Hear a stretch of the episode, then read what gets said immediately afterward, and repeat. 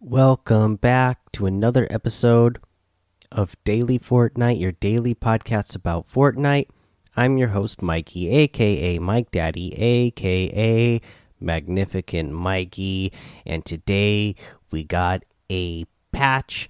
It was just a bug fix patch, and here are the things that they uh, fixed. So there was an issue with editing while sprinting that was fixed. Reports of aim assist performing inconsistently.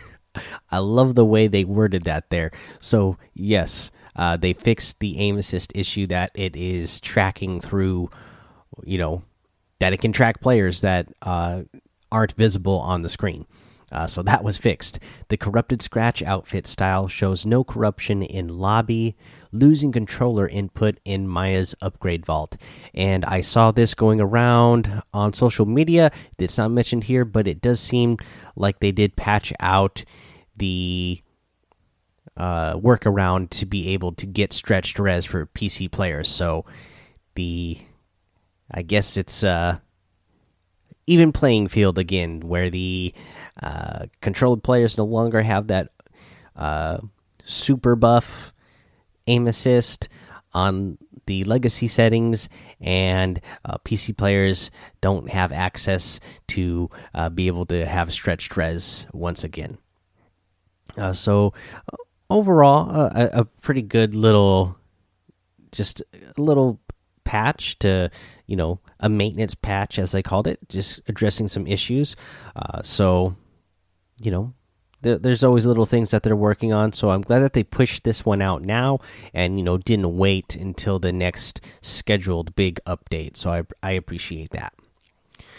Uh, other than that uh, yeah no no big other big news other than you know assist is gone now. Stretch is gone now. Uh, so you know people are going to be happy people are going to be mad it is what it is uh, good fixes though uh, let's get into a weekly challenge tip. Uh, so we've pretty much covered the ones that you really need to know. I mean, search ammo boxes in a single match seven. You just you know you just do it.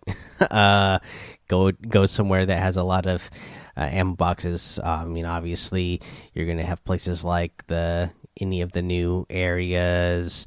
You know, Lazy Lake, Sweaty Sands uh, you know, big big areas, Frenzy Farm.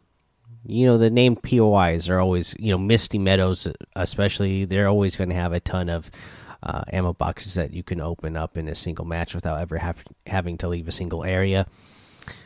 Uh, the deal damage to henchmen 2000 that's self-explanatory open doors locked by an id scanner in different matches now we talked. You have to do that in three matches total. We talked about where to disguise yourself inside a phone booth in different matches yesterday.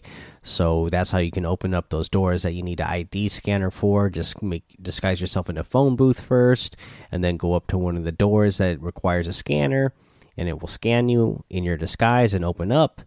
Do that in three different matches. Uh, eliminate players while having a total of 100 health and shield or more. Uh, for this one, kind of worded weirdly. So just 100 health total. So that means if you only have 75 health and 25 shield, that's 100 health in total. Uh, and that as long as you deal uh, or eliminate a player with that amount of health, then it's going to count.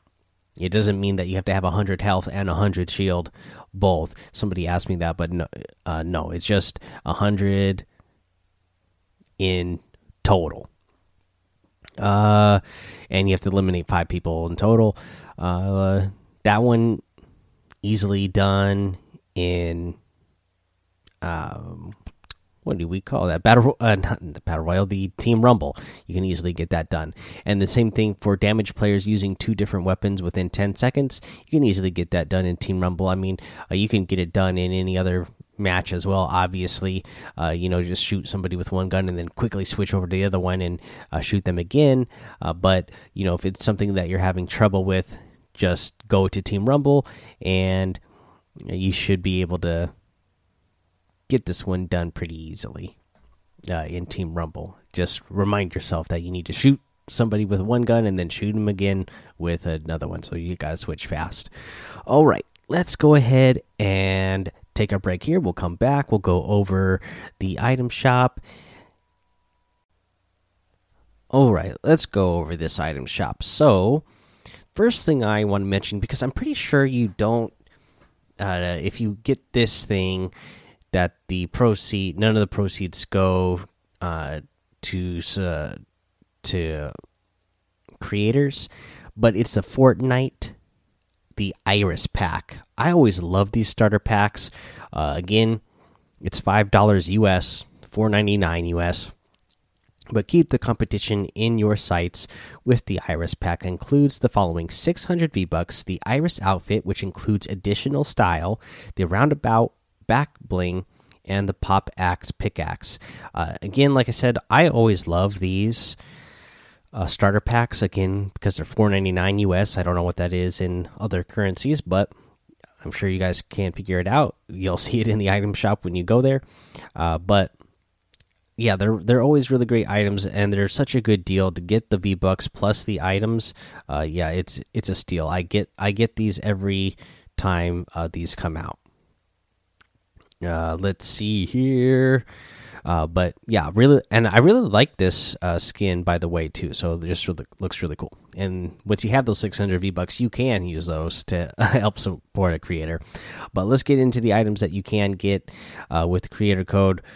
Uh, first up, you can get the doggo outfit with the chow down back bling for 1500 you do have the selectable styles uh, with it now uh, so you'll get the Christmas one and you'll get the new military one as well that I just got this season uh, for free since I already owned it. Uh, but now you can have it too because it looks awesome.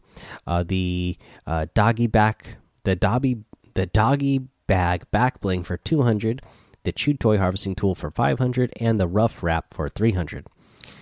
Uh, you can get the Fate outfit with the ominous orb back bling for 2000 the faded frame har harvesting tool for 800 and the split wing glider for 1200 uh, I am a, I'm a big fan of the Fate outfit, by the way, uh, since I didn't mention that.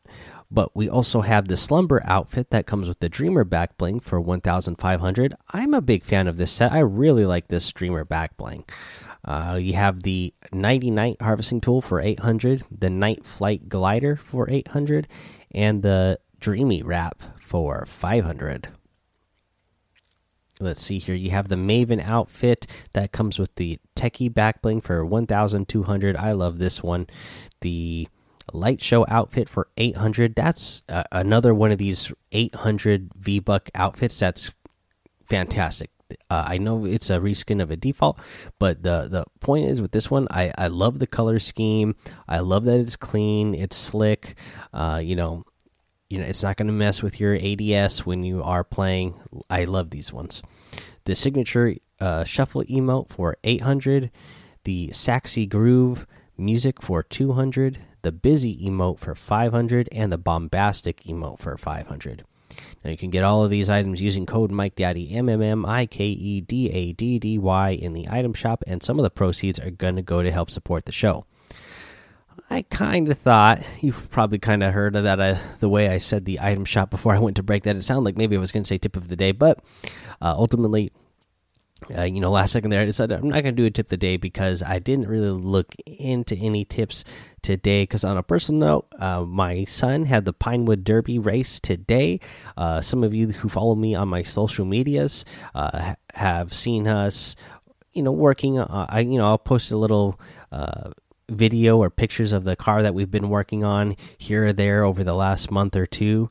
And uh, yesterday we had weigh-ins and every and uh, you know the the weigh-in and check to make sure everything was you know up to snuff and uh, it, it, weighed just right and it wasn't you know make sure it wasn't overweight and make sure that we didn't uh, do anything illegal.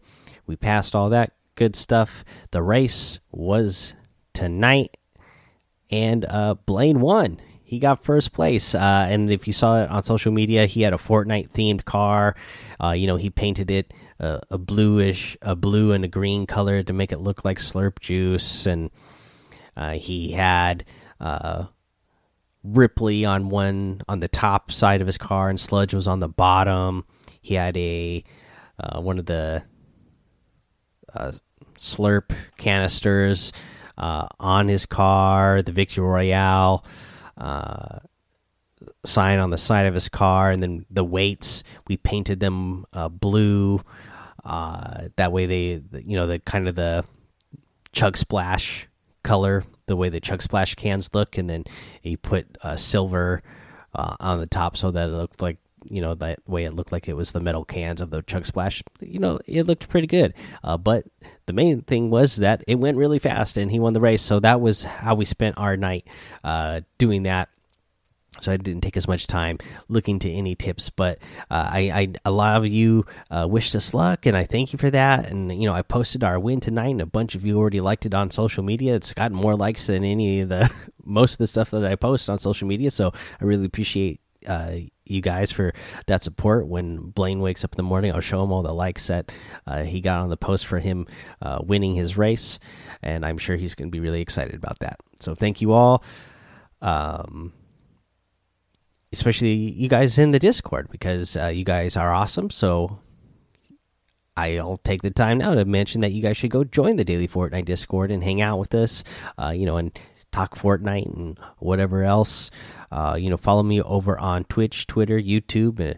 It's Mike Daddy on all over the on all of those. Head over to Apple Podcasts, leave a five star rating and a written review for a shout out on the show. Make sure you subscribe so you don't miss an episode. And until next time, have fun, be safe, and don't get lost in the storm.